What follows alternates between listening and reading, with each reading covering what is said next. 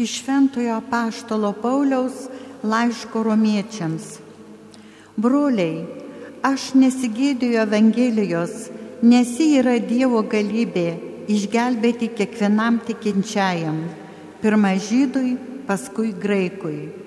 Joje apsireiškia Dievo teisumas iš tikėjimo į tikėjimą, kaip parašyta. Teisus, teisusis gyvens tikėjimu. Dievo rūstybė apsireiškia iš dangaus už visokią žmonių bedėvystę ir neteisybę, kai teisybė jau užgneužė neteisingumu. Juk tai, kas gali būti žinoma apie Dievą, jiems aišku, nes Dievas jiems tai leido suprasti. Jo neregimosios ypatybės, jų amžinoji galybė ir dievystė nuo pat pasaulio sukūrimo aiškiai suvokiamos protu iš jo kūrinių taigi jie nepateisinami. Pažinę Dievą, jie jo kaip Dievo negarbino ir jam nedėkojo, bet pasiklydo mintimis ir neišmani jų širdis aptemo. Besigirdami esą išmintingi tapo kvaili. Jie netgi išmainė nenykstančiojo Dievo šlovę į nykstančius žmogaus paukščių, keturkojų bei šliužų atvaizdus. Todėl Dievas per jų širdžių geismus atidavė juos neskaistumui, taip, kad jie patys teršė savo kūnus. Jiegi Dievo tiesą iškeitė į melą ir lenkėsi bei tarnavo kūriniams, o ne kuriejai, kuriam šlovė per amžius. Amen. Tai Dievo žodis.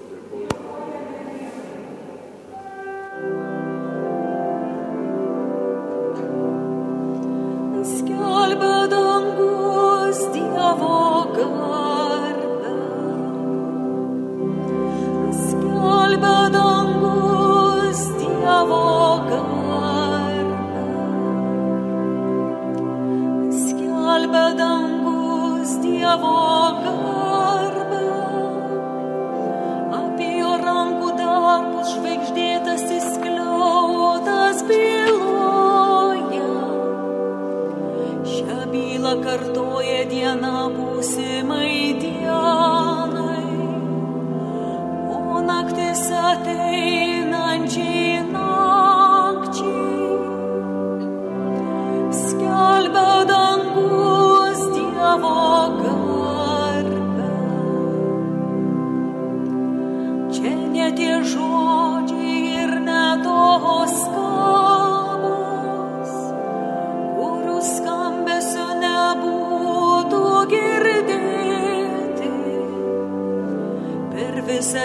Amen.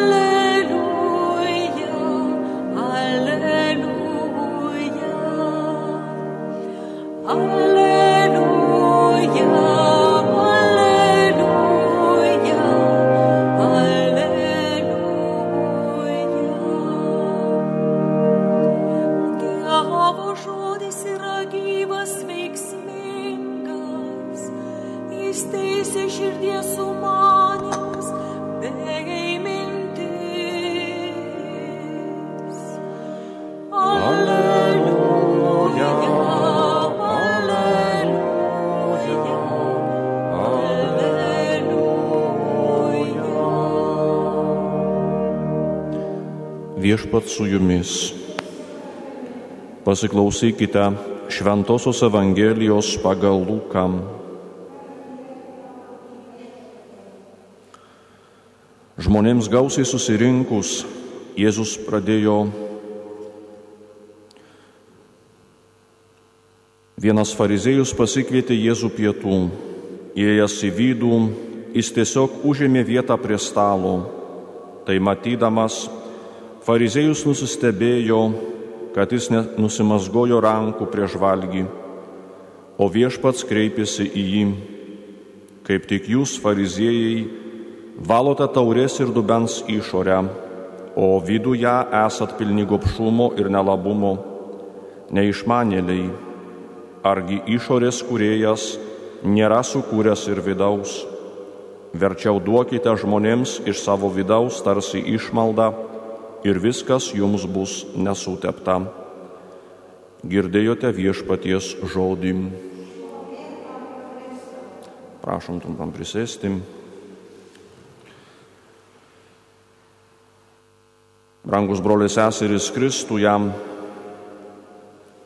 iš kur žinome, kad Dievas yra? Jei jis yra, tai ar mes jam rūpime ir kaip sužinoti, kokia yra jo valia. Ar patys savo nekėlėm tokių klausimų? Apie tai, kaip tik yra kalbama šiandienos pirmajame skaitinyje. Ar yra Dievas? Mums tai reikia pažvelgti į pasaulį, kad suvoktume jo buvimą. Juk neįmanoma, kad visa, kas mūsų supa, atsirastų savaime. Pasaulyje, pasaulyje vyraujanti harmonija tai aukščiausiojo darbų gale. Kažkoks amžinas planas pagal kurį viskas krypsta į konkretų tikslą, nukreipia mūsų mintis į Dievą. Taigi, jei žmogus padedamas savo proto gali prieiti prie išvados, kad viskas kūrinėje byloja, jog Dievas egzistuoja, kodėlgi nepabandžiu žengti dar toliau ir nebandyti rasti jo valios savo gyvenime. Laiške rumiečiams yra kritikuojami pagonys, kurie nepripažino tikrojo Dievo, būtent dėl to, kad sustojo ties Dievo pėdsakų atradimo pasaulyje etapu ir kūrinyje laikė gyvybę. Skaitydami šios žodžius ir gilindamis į Evangelijų mokymą matome, kad žmogus, net ir būdamas tikintis, užuot kontempliavęs Dievo slėpinį, yra linkęs kūrinijos viešpatį įsprausti į savo tikrovės suvokimo rėmus. Taip pat viešpats Jėzus griežtai kritikuoja paviršutinišką elgesį tų, kurie mane puikiai žinantis, kaip būti arti Dievo. Kristus atkreipė dėmesį į žmogaus vidų. Išorinė laikysena turi būti dvasios laikysenos atspindys. Pagarba Dievui negali būti tik nesuprantamų gestų ar tuščių apieigų, neatspindinčių dvasios požiūrio rinkinys.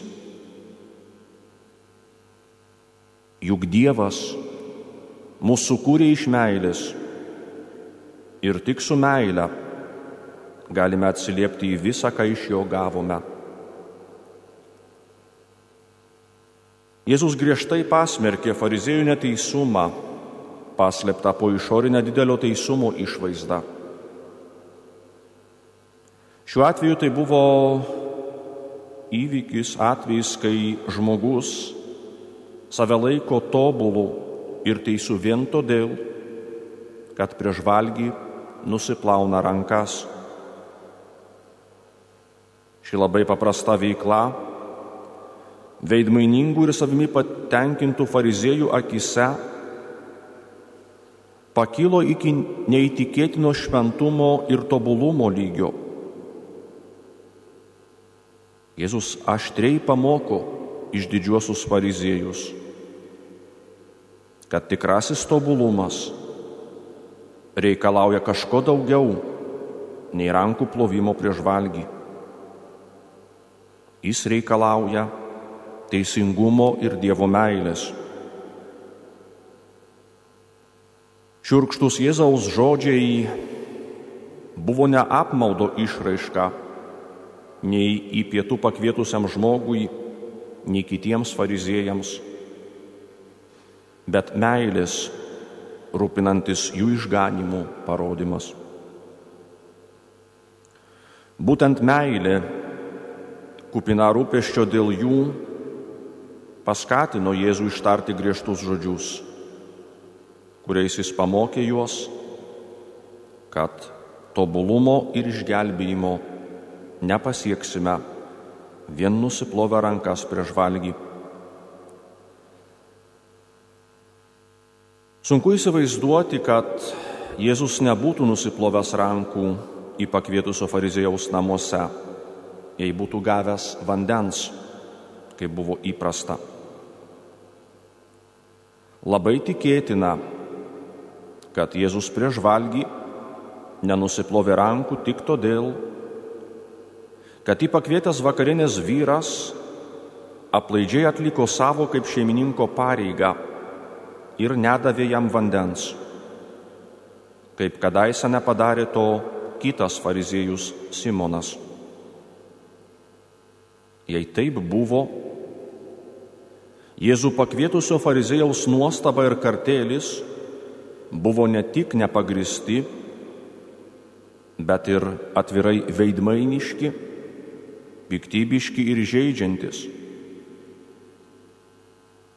Mat tai būtų atskleidę ir šiandien paplytusią farizėjišką nuostatą nepagristai ir griežtai teisti kitus, o save vertinti švelniai. Jėzus palygino žmogų su indu, kuris turi būti švarus.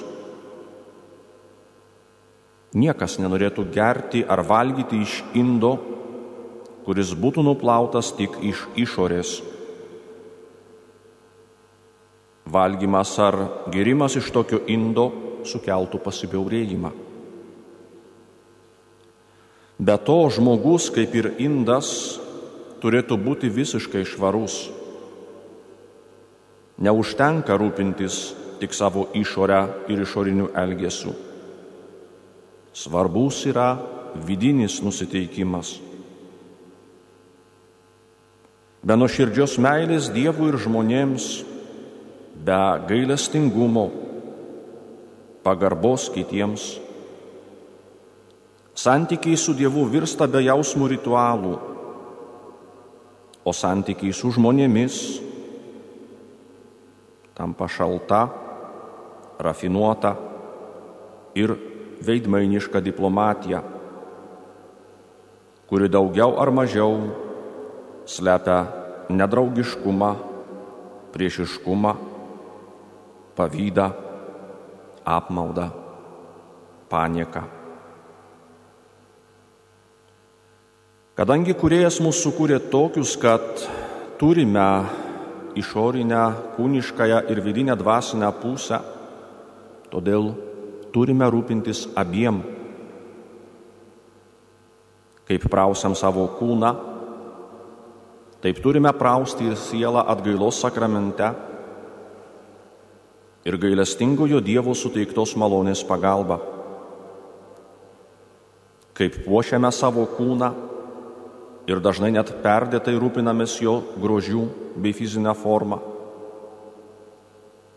Taip turime rūpintis ir dvasinių grožių, kuris visų pirma yra nuolankus gerumas, gili ir nuoširdį pagarba kitiems.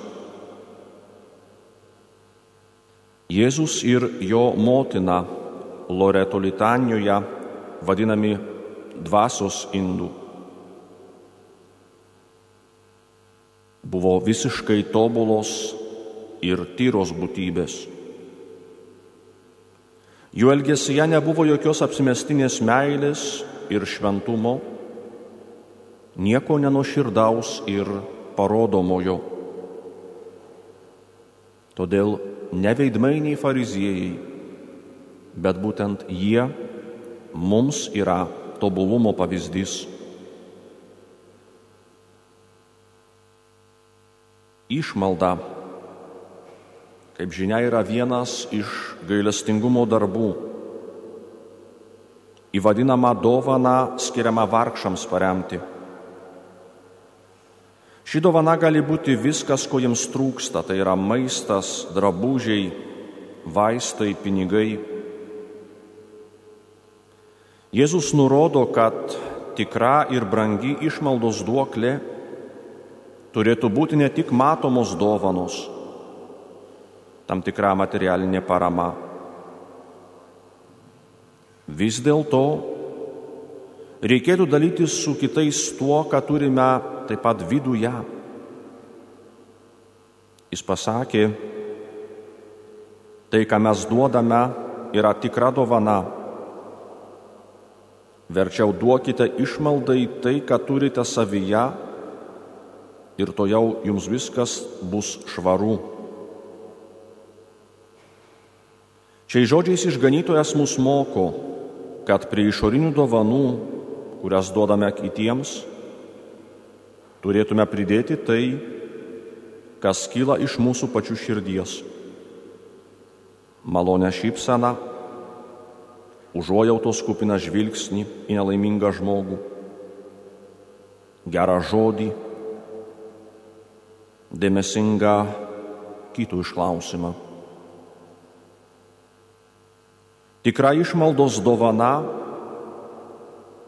tokia, kokios iš mūsų tikisi Dievas, neturi būti daroma dėl akių, bet turi kilti iš nuoširdžios intencijos, iš meilės ir gailestingumo. Vėl kartosios, kad Prie kiekvienos duodamos išorinės dovanos turėtumėm pridėti bent truputį širdies. Tokia išmaldos dovana ne tik parems gavėjus, bet ir duodančiajam bus labai naudinga, kadangi apvalys jo dvasę. Viskas jame taps tyriau, ypač gera intencija kuri lydės gailestingumo darbus. Rangiai Jėzaus, Jėzaus fariziejams duoti nurodymai svarbus ir mums, kadangi jie mums parodo kelią, kaip pasiekti tikrai dvasios tyrumą ir šventumą. Dvasinio tobulumo nepasieksime beširdiškai atlikdami ritualinius veiksmus, nei skrupulingai vykdydami įvairias teisinės prievolės, pavyzdžiui, duodami dešimtinę. Rankų plovimas prieš valgį yra naudingas, bet sielos neišvalo. Ta pati reikia pasakyti ir apie dešimtinės mokėjimą. Tikram tyrumui ir tobulumui pasiekti reikia kažko daugiau. Jėzus atkreipė fariziejų ir mūsų dėmesį į tris dalykus. Nuoširdžiai rodyti gailestingumą, elgtis teisingai ir vadovautis Dievo meilę.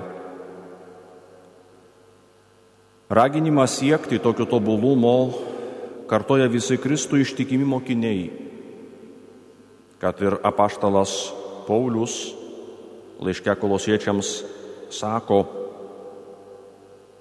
kaip Dievo išrinktieji, šventi ir mylimi, apsivilkite nuo širdžių gailestingumu, gerumu, nuolankumu, klusnumu, kantrybę, vieni kitus pakesdami ir atleisdami vieni kitiems, jei kas turi priekaištų. Kaip viešpats jums atleido, taip ir jūs. Dėl viso to apsivilkite meilę, kuri yra tobulumo ryšys. Ir tegul jūsų širdis valdo Kristaus ramybė, į kurią ir buvote pašaukti viename kūne ir būkite dėkingi. Vadovaudamiesi šiomis gairėmis, nebejotinai siekiame tikro tobulumo. Užbaikime šios pamastymus maldos žodžiais. Kristau, padėk mums ne tik skaityti tavo žodžius, bet ir juos įgyvendinti. Padėk mums ne tik žavėtis tavo mokymu, bet ir jam paklūsti. Padėk mums ne tik tikėti tavimi ir mylėti tavo Evangeliją, bet ir gyventi pagal tikėjimą ir Evangeliją. Amen.